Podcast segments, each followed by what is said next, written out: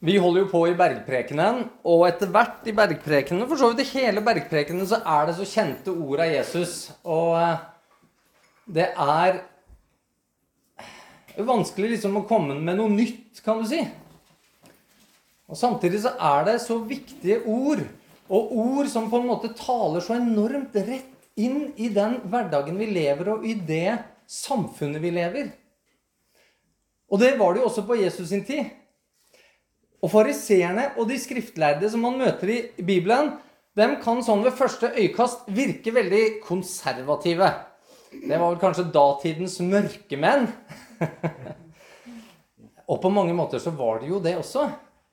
Men det vi må alltid spørre oss sjøl hvis man ønsker å være såkalt konservativ, det er jo hva er det jeg forsøker å konservere? Hva er det jeg prøver å ta vare på? Og det er faktisk slik at eh, disse gruppene, fariseerne og de skriftlærde, også på mange måter var det vi i dag ville kalle liberale. Eh, for de var nemlig veldig opptatt av å bevare menneskelige historier, menneskelige tradisjoner, menneskelige overleveringer eh, i det som da blir kalt den muntlige toraen. Det er det som du finner i Talmud og en en del andre eh, jødiske skrifter som de bruker mye, som jeg har lest en del av. Eh, og den, eh, det er jo egentlig den loven og de tradisjonene som de selv hadde laget. Og det er jo litt typisk at mennesker har lyst til å bevare det de selv står bak. Eh, det er jo sånn på universitetet, husker jeg, at eh, foreleserne var veldig opptatt, egentlig mest opptatt av å kunne skrive bøker sjøl, sånn at alle vi elevene måtte studere dems bøker, mer enn at vi nødvendigvis skulle lære akkurat det som var det viktige. Det føltes i hvert fall sånn noen ganger. Eh, så vi mennesker er litt sånn. Så de var mer opptatt, kunne det virke som, noen ganger i hvert fall, med å bevare det som de selv sto bak, enn det som Gud hadde overlevert til dem. Eh, og på flere områder så hadde de tatt seg friheter. Eh, og hvor de hadde altså senka eller omgjort kravene som Gud egentlig kommer med i Guds lov. Det der er veldig gjenkjennelig, syns jeg. Fordi at når man begynner å følge med på kristenledere f.eks. i vårt eget land over tid, så begynner det å danne seg et visst mønster. Det, det, begynner gjerne med at man toner ned det Bibelen sier, og så trekker man heller fram det mennesker sier. Istedenfor å si hva Bibelen sier på når man har mulighet til å komme på nyhetene eller Dagsnytt eller et eller annet, så forteller man hva menneskelig forskning viser til, og hva mennesker mener, og hva, hva logikken og fornuften vår sier i det hele tatt. Mye sånn. Og så, etter hvert, så, så er man veldig opptatt av menneskelige hensyn. Altså Man begynner å tenke rent menneskelig. Hva er det som på en måte nærmest lønner seg ut fra menneskelige hensyn? Og hva er menneskers logikk? Og hva er menneskers følelser i dette her? Og det blir på en måte avgjørende til hvordan man skal forholde seg til og håndtere forskjellige saker. Og når det gjerne får gått noen år til, så kommer det nesten alltid for dagen et syn eller et vedtak i en kirke som ikke er i tråd med det Bibelen lærer. Og jo da, man vil fastholde Bibelen, sies det, men så bryter man den samtidig. Eh, og så går det enda litt lengre tid, og så kommer det enda nye vedtak som er liksom bare i direkte strid med hva Bibelen sier. Og da sies det gjerne at ok, vi har vært i tenkeboksen en stund, og Bibelen underviser feil. Bibelen lærer feil.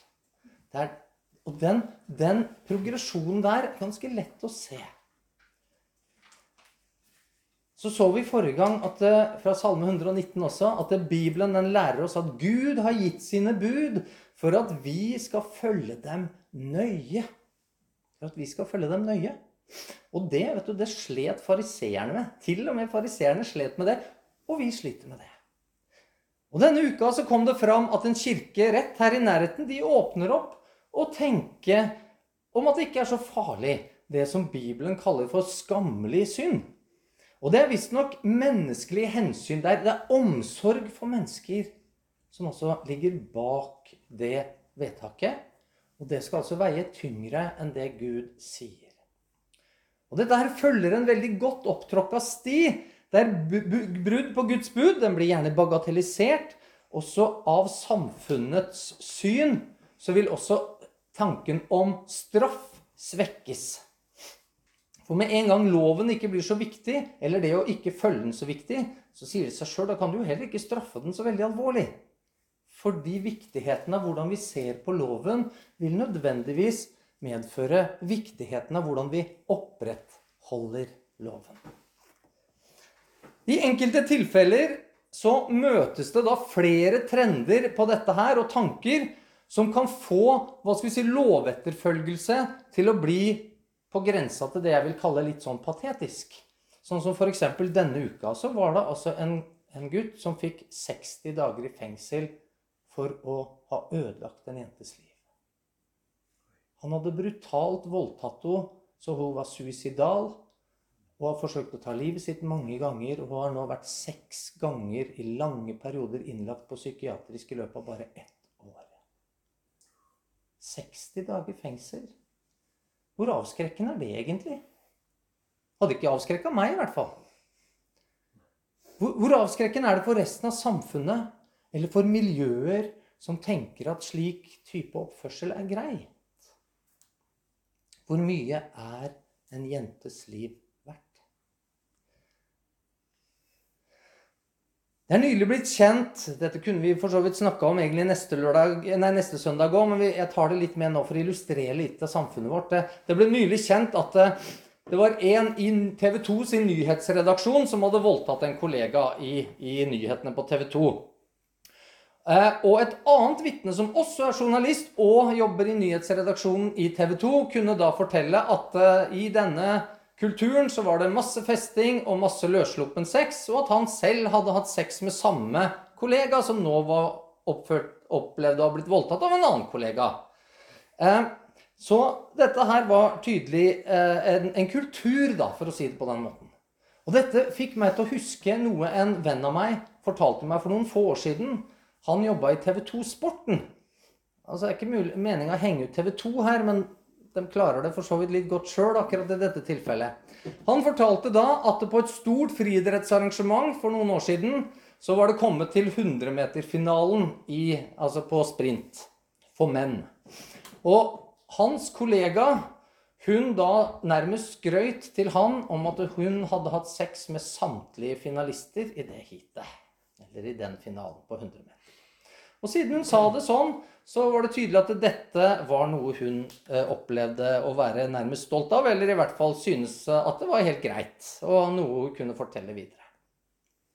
Og Så blir jo spørsmålet At sånne ting skjer, det er ikke noe, noe overraskende. Det er ikke noe man egentlig burde eh, bli så veldig eh, ja, sjokkert av. Men spørsmålene vi som kristne da gjerne må stille oss i møte med sånne type ting, det er hvordan blir nyhetsdekning når umoralen stiger sånn generelt, kan vi forvente at gode leveregler f.eks. blir snakka positivt om i, fra slike redaksjoner? Og hvordan blir forholdet til sannhet når det er slik? Eh, og når det er slik hos journalistene, kan vi forvente at det er så mye bedre hos jurister og, og dommere? Eller hva med politikere? Kan vi forvente at det er mennesker som da vil ta rette avgjørelser, eller gode avgjørelser, på våre vegne. Synd er alvorlig. Men vårt samfunn er i en fase nå der vi ønsker å ufarliggjøre det. Og det er jo fordi at når du lever sånn selv, så er det en naturlig psykisk respons. Du ønsker å bedre din egen samvittighet. Hvor Guds lov ligger i hjertene, og du vet det er galt, det du gjør, men ved å ufarliggjøre det, så får du bedre samvittighet. Du får en kollektiv bedre samvittighet i samfunnet. Og denne trenden den, den, er jo ikke bare der ute i samfunnet, men den ser vi godt inne i kirkelandskapet òg, hvor det med å på en måte avskaffe Guds straff er også viktig.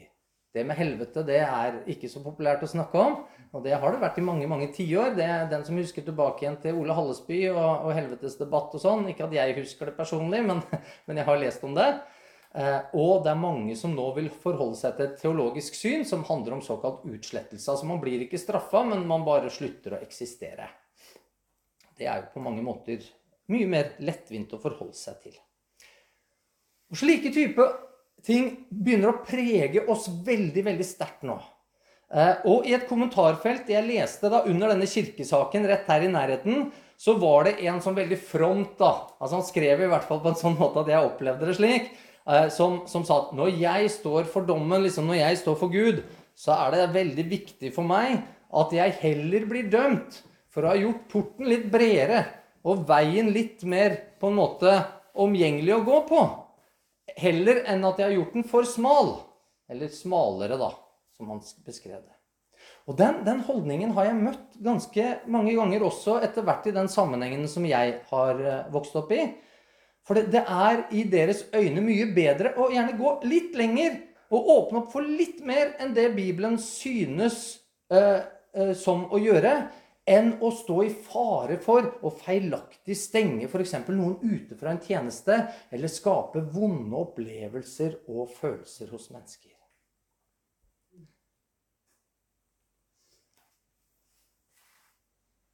Jeg, er ikke noe interessert i en sånn tilnærming.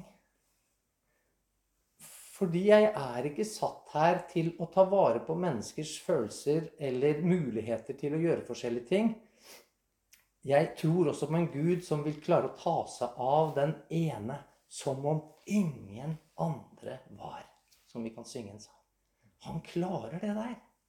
Han tar seg av sine, selv om jeg dessverre noen ganger ikke klarer å ta meg av mine eller dere eller de rundt meg slik som jeg burde. Men jeg, er, jeg ønsker å legge merke til hva det Jesus gjør i slike situasjoner. Og så opplever jeg at det Jesus gjør, er veldig tydelig. Og da er vi liksom inne i dag. For i dagens tekst så er Jesus i ferd med å gjøre akkurat det motsatte av det som vi ser skjer i vårt samfunn i dag. For Jesus han kommer, og så, så strammer han inn kravene som loven kommer med. Og så strammer han inn straffen for brudd på denne loven. Og det er klart at det fører med, fører med, seg ganske mange ting. Det fører med seg noen følelser, det fører med seg noe avvisning, det fører med seg en hel haug med ting som rent menneskelige hensyn kanskje ville tenkt annerledes om.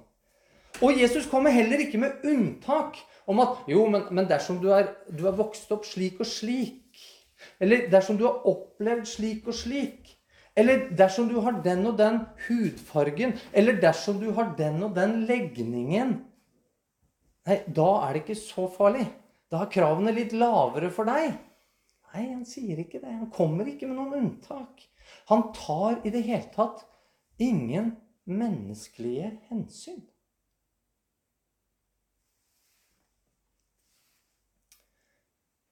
Og ikke bare så strammer Jesus inn, han gjør faktisk kravene umulig. I lys av menneskelige hensyn.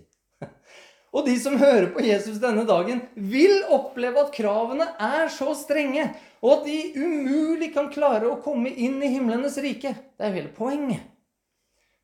Og deres rettferdighet må overgå fariseernes og de skriftlærdes fordi de hadde senket kravene slik at noen mennesker hadde begynt å få en opplevelse av at ja, men dette får jeg til. Og det føles jo godt. ja, det føles godt, det. Og så kommer Jesus, og så gjør han akkurat det motsatte.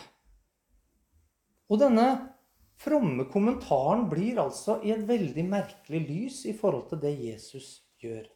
For Jesus han synes å gjøre porten smalere. Ikke bare kravene til frelse, altså, men også straffen forbundet med brudd på disse kravene. Og så kan vi da tenke sant, men, men er dette lurt, Jesus? sant? Bare, bare, tenk på hvordan folk vil oppleve dette her. Og hvilke følelsesmessige problemer du gir dem nå. Sant? Hvilke betenkeligheter vil nå mennesker ha for å etterfølge deg? Og søke på stillinger i din kirke? Altså, bare, bare, Altså Bare la tankene begynne å løpe om hva dette faktisk innebærer. Hvis du og jeg skal være mest opptatt av menneskelige hensyn. Men selvsagt så gjør Jesus dette. For i versene tidligere som vi har sett på, så er jo poenget at loven må oppfylles til punkt og prikk. Og dersom det ikke skjer, så finnes det ikke frelse i det hele tatt. Da finnes det ikke frelse. Og da begynner vi å forstå at så alvorlig er lovbrudd. Så alvorlig er synd. Så fryktelig er straffen for brudd. Og så umulig er det for deg og meg å holde den. Og ingenting av det gir deg eller meg unnskyldning til å lempe på disse kravene. Til å gjøre det litt enklere. Og det er ingen grunn for at vi til slutt skal stå for dommen og rose oss av at vi heller gjorde porten litt videre, når Jesus så tydelig i hele Skriften gjør den akkurat så trang som den er. Han gjør den jo ikke trangere, selvfølgelig. Men han gjør den akkurat så trang som den er. Og han sier jo det er lettere for en kamel å gå gjennom et fysisk nåløye. Og jeg vet ikke hvor store nåløyene var på den tida, men tråden, tråden var ikke så svær at du fikk en kamel gjennom. Det er ganske greit. Eh, eh, så, så, kraftig tråd hadde man ikke på den tida heller. Eh, og altså, han gjorde sånn at selv de som på den tida, i den kulturen, syntes å ha best menneskelig forutsetning for å klare det, nemlig de rike, umulig kunne klare det. Bare glem de fattige, for det, det, det var nærmest umulig fra før. Men selv de som hadde best mulighet, menneskelig sett, gjorde Jesus det fullstendig umulig for. Ja, det er deprimerende, sant? Igjen menneskelig hensyn. Altså, bare, ja. Åh, skal du og jeg da rose oss av at vi gjør det mindre umulig? Og da begynner dette å bli ganske tullete. For fra umulig til litt mindre umulig? Hva vits? Det er likevel helt umulig. Ja. Dere har hørt det sagt til de gamle. Du skal ikke slå i hjel, men den som slår i hjel, skal være skyldig for domstolen. Dere har hørt det sagt, sier Jesus. Og når Jesus skal påpeke noe overfor fariseerne og de skriftlærde, så sier han jo ofte 'Det står skrevet', eller 'Har dere ikke lest'? Og nå står han foran en helt annen gruppe mennesker. Jeg kan ikke vite akkurat hvorfor Jesus bruker begrepet her. La det bare være tydelig sagt. Men en av grunnene er altså muligens fordi at mange av de som er der, de kan ikke lese. Og da er det litt dumt å si 'Har du ikke lest?' Jeg kan ikke! Så Jesus gjør ikke det han sier. Har du hørt? Sant? Har du hørt det som ble undervist i synagogen? Har, har du fått med deg det du har lært? Eh, og det kan også være fordi at Jesus også siterer en del her fra en muntlig overlevering fra det som fariseerne var så opptatt av å ta vare på. Eh, han siterer bitte lite grann fra de ti bud òg, det gjør han, men, men, han siterer noe mer. Eh, og det kan altså være at han da har litt i bakhodet de overleveringene som fariseerne har gjort, og den rettspraksis som var forbundet med dette på Jesus sin tid. Som muligens kanskje også var litt annerledes enn det Bibelen faktisk hadde foreskrevet. Men det vet jeg ikke. Jeg prøvde å se litt om det, men det, jeg kan, kunne ikke finne noe. Men i Det gamle testamentet så var straffen for drap det var dødsstraff. Eh, og det står det om allerede fra første Mosebok. Eh, og seinere så kommer det til en del eh, utvidelser der som gjør at du var nødt til å ha i hvert fall to vitner for at noen skulle dømmes. Og dette her er jo rettspraksis som vi har basert vår rettssystem på etter hvert òg. Og Bibelen er hva skal vi si, konsekvent med seg selv, fordi på to eller tre vitners ord skal en sak stå fast. Og Gud holder det faktisk også for sitt eget ord. Det er ikke bare en standard for deg og meg, han bruker det også for sitt eget ord. Du kan lete etter det noen plasser i Bibelen og finne at det gjør han. Han bekrefter sitt ord på flere, med flere vitner. Eh, og så var det sånn at Hvis du da drepte noen, og det ikke var din intensjon å drepe, så fantes det noen sånne tilfluktsbyer som du kunne rømme til for å unngå å bli drept. Så det var altså en nåde innafor dette systemet. Men jeg sier dere, den som uten grunn harmes på sin bror, skal være skyldig for domstolen. Og den som sier til sin bror 'Raka', skal være skyldig for rådet. Og den som sier 'Du dåre', skal være skyldig til helvetes ild. Uh. Det, det, første Jesus sier det er det som var straffen for dødsstraff, som han hadde hørt. Dere har hørt, sant? Den som dreper noen, er skyldig for skyldig sånn, og det er det første han tar fram. Og det er veldig interessant, for Jesus har også nettopp snakka om at loven må oppfylles ned til minste prikk. Og da kan vi i hvert fall være sikre på at det Jesus gjør her, det er at han verken legger noe til eller trekker noe ifra denne loven, som han selv har gitt, og som han selv oppfyller men den er streng. Den er alvorlig streng. Om noen blir sint på sin bror uten grunn, så er du skyldig.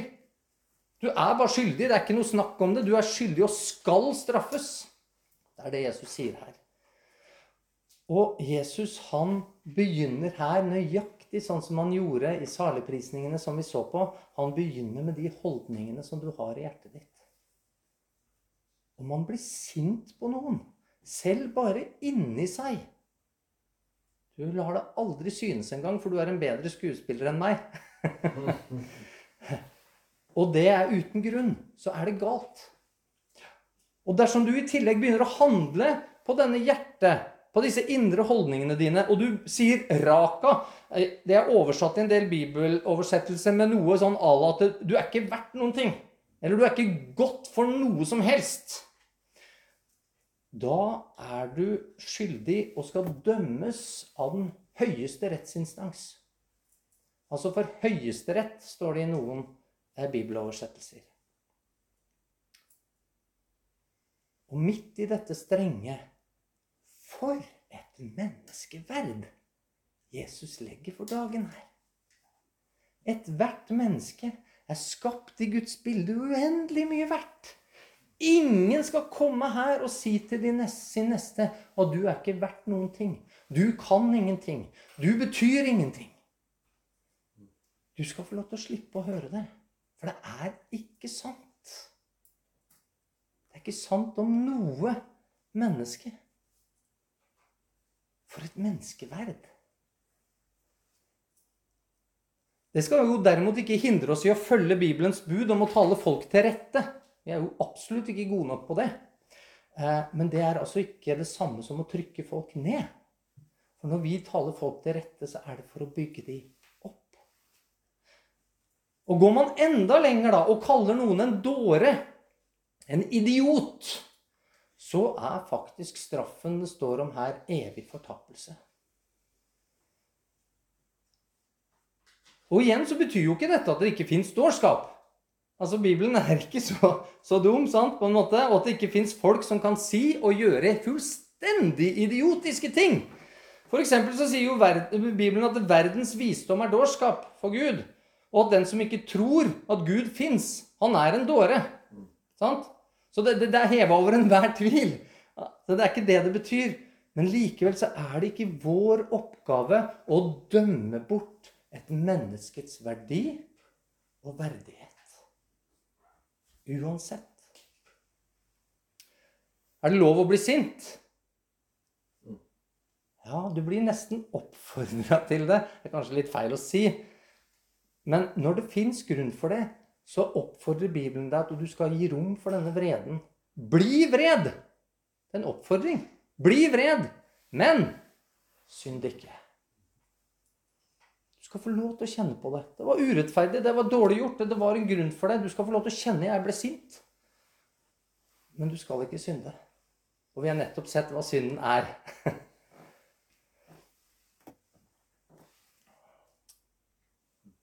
vi skal altså ikke drepe noen ved holdningene vi har til de menneskene i hjertet vårt. Og vi skal ikke handle på slike holdninger. Død og liv er i tungens vold, sier ordspråkene 1821. Og de ordene vi bruker, skal ikke drepe menneskets livsgnist og frata det den verdi som det guditt har. Og heller ikke når vi har god grunn til å være sint på vår neste. Og det er ikke bare Jesus som påpeker alvoret i dette. Og igjen her, Jeg vil dra fram flere vitner for å underbygge dette her når Bibelen snakker om dette. Hør hva Jakob skriver i kapittel 1, vers 26. Dersom en mener at han er en Guds styrker, altså hvis du mener du er en kristen, og ikke holder tungen i tømme, men dårer sitt eget hjerte, Hans gudsdyrkelse er forgjeves. Ofte så pleier jeg å lese gjennom Bibelen med forskjellig fokus. Prøver å ikke, ikke lese Bibelen med forskjellige briller, men, men, litt forskjellig fokus. Og jeg har lest gjennom Nytestamentet og bare lett etter én ting, og det er alle plassene det står om tro som er forgjeves. Det er mange plasser. Dette er en av de. Hans gudsstyrke er forgjeves. Hvis du mener at du er en kristen, og du ikke klarer å passe på hva tunga di sier, så er det ikke bare det at du dreper de rundt deg, men du dreper deg selv. Du dårer ditt eget hjerte. Du fratar deg selv din egen verdi og verdighet og mister frelsen. Det er det den sier. Så det gjelder ikke bare de der ute, det gjelder også deg selv. Ikke bare skal vi altså ikke drepe andre vi, og, og, og, ikke forvente straff, men vi må også ikke ødelegge vårt eget hjerte.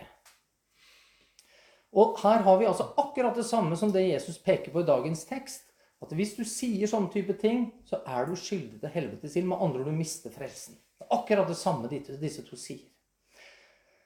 Og Så kommer det videre i dagens tekst. Om du da bærer fram ditt offer til alteret, og der kommer til å tenke på at din bror har grunn til å klage på deg Og nå er vi i kontekst her, sant? Vi har sagt noen ting, vi har tenkt noen ting, vi har gjort noen ting som gjør at vår bror har grunn til å klage på oss. Da la ditt offer ligge der foran alteret, og gå først bort og forlik deg med din bror. Kom så og bær fram ditt offer. Kanskje kommer du på nå noen ting du har sagt og gjort som ikke var rett. Og som du ikke har gjort opp ennå med den det gjelder. Og, og da har du en hjemmelekse til neste søndag. Og nå, nå tuller jeg ikke. Jeg er dønn alvorlig.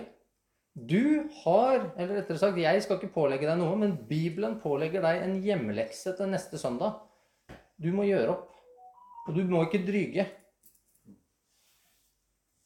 Og det fine med det, at det gir masse fine muligheter for gode vitnesbyrd, i gudstjenestene som kommer framover. Så nå gleder jeg meg. Ellers så kan jeg også glede meg kanskje over at dere har gjort opp alt, og jeg ikke hører noen ting. Uansett skal jeg glede meg. Gleder i Herren alltid.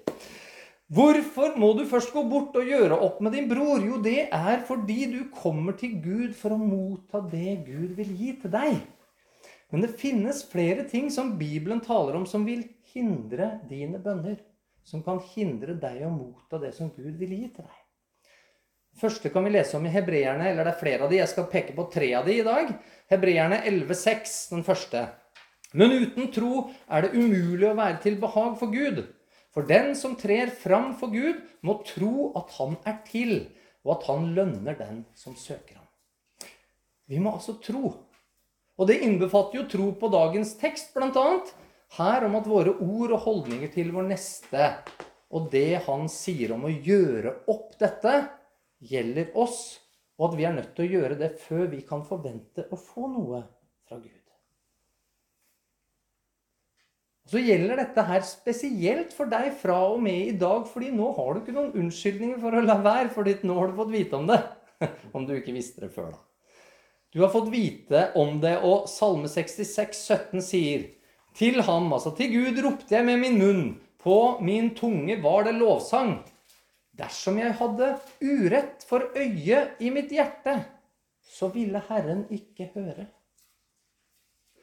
Med andre ord om jeg planlegger onde gjerninger, onde ord, onde tanker, eller jeg er blitt klar over min synd Jeg ser den, men jeg gjør ikke noe med den.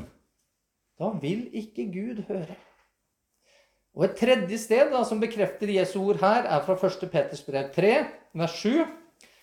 Og Dette gjelder oss menn da, på en spesiell måte. Så skal også dere ektemenn leve med forstand sammen med deres koner, som det svakere kar, og vis dem ære. For også de er medarvinger til livets nåde, for at bønnene deres ikke skal hindres. Det står ikke noe sånt til damene. Er urettferdig.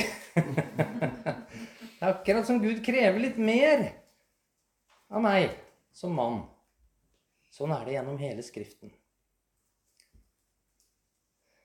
Senest for to-tre uker sia så måtte jeg ta opp noe med en bror som jeg hadde sagt for en god stund siden.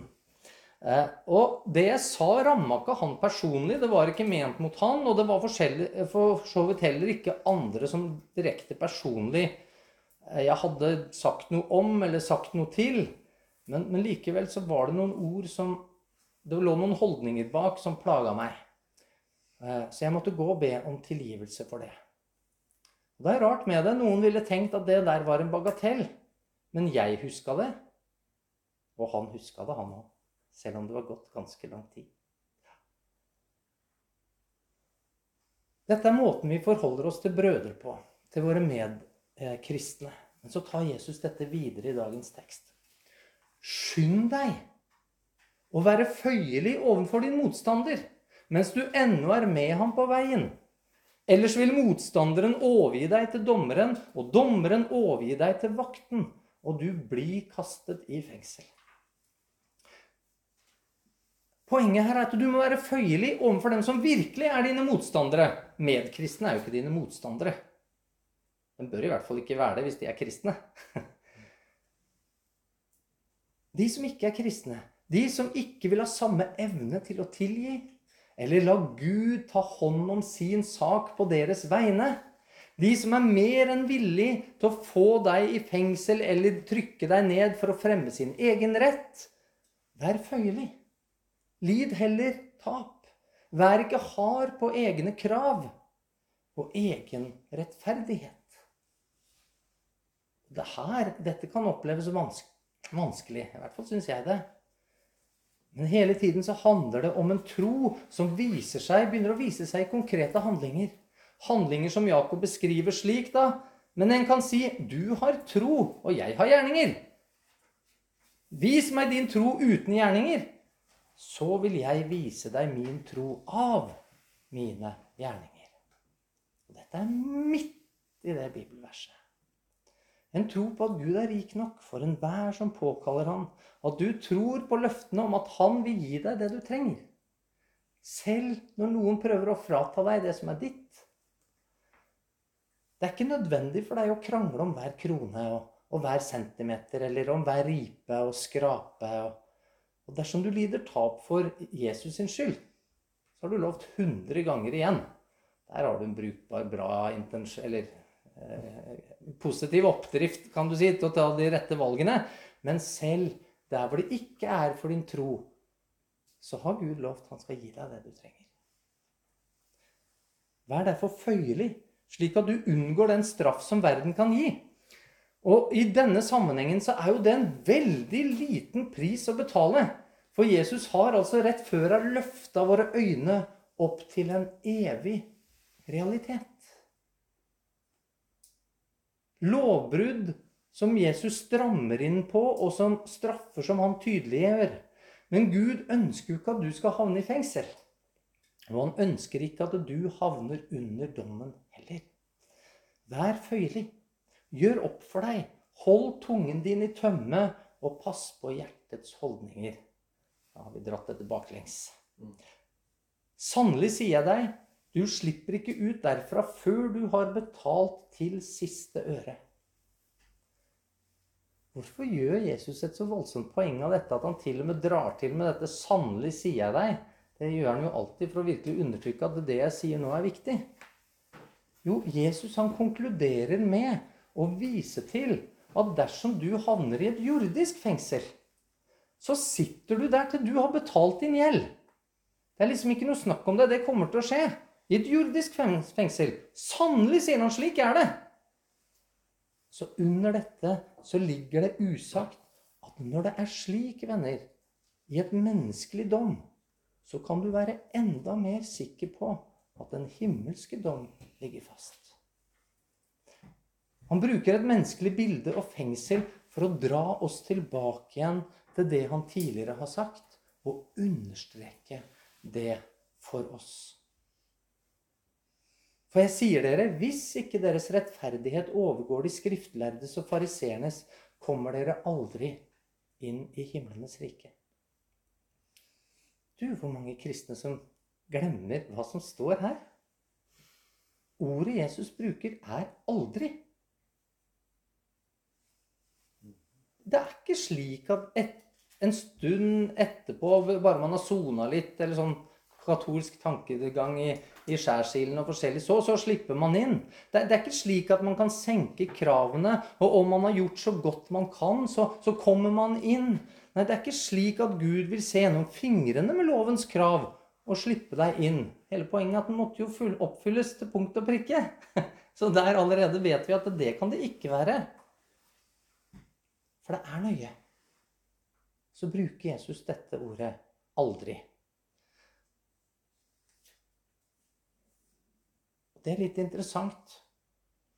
Fordi at når vi tenker eh, i, i, det å, å, tenke parterapi, holdt jeg på å si, eller noe av det første man må lære seg når man blir sammen, det er, at det er to ord du aldri bruker. Nå brukte jeg jo aldri. Men du skal aldri bruke alltid og aldri. Bare aldri bruk det overfor den andre. Du gjør alltid sånn, du gjør aldri sånn. Aldri si det. Det, det, det er bare no, no, no. Men Gud, som altså vi skal ha altså dette næreste, mest intime forhold til, han bruker det ordet. Fordi Gud vet hva som er sant. Han vet hva som er alltid og aldri. Jeg husker ikke alltid rett, så når jeg beskylder kona mi for aldri eller alltid, så tar jeg sannsynligvis feil i 90% av tilfellene. Derfor skal ikke jeg si det, men Gud, han vet det. Og han bruker ordet aldri. Vårt eneste håp er jo at loven er oppfylt. Og at oppfyllelsen av disse kravene kan gjelde i vårt sted. Det, det gjør Jesus til vårt eneste håp. Og det gjør også at vi kan ha som mål å stå for dommen og vite at vi prøvde la, ikke prøvde å lage portene så altså vide og veien så bred ved å ta menneskelige hensyn. Eller tenke på menneskelige følelser. Eller tilpasse seg menneskers syndige tilbøyeligheter og natur. Men vi skal gjøre som Jesus gjør, og så skal vi vitne sant om de kravene Gud setter og straffen Gud gir. Det er det vi skal. Det kan vi få lov til å stå for dommen og være ikke stolte av, men i hvert fall kunne stå der med, med integritet på den måten. da. Dersom et menneske skulle kjenne på likegyldighet i forhold til dette vi har snakka om i dag, så, så har han jo ikke forstått vitnesbyrdet. Ikke skjønt lovens krav og ikke trodd straffens realitet. Fordi alle som forstår Bibelens vitnesbyrd her i dag, dem gjør én av to ting. Enten så flyr man bort fra Jesus, eller så flyr man til Jesus. Enten så blir man sint, eller så blir man salig. Man blir lykkelig. Kjære Jesus, la oss være av de som flyr, flyr til deg. Som ikke gjør det vår oppgave å komme mennesker i møte ved menneskelig hensyn, men som ser det som ytterst, ytterst viktig å tale som ditt ord og vitne sant om det du sier, og det du fastholder, og det du foreskriver og beskriver. Og Herre, det fører til mange ting som er ubehagelig for mennesker. Og samtidig så fører det til at lyset kan gå opp i menneskers hjerte, og de kan se det mest fantastiske som fins. Herre, at loven er oppfylt. Straffen er betalt. Veien til himmelen ligger åpen. Og Herre, vi takker deg for det du har gjort, og for at du er sannhet. Amen.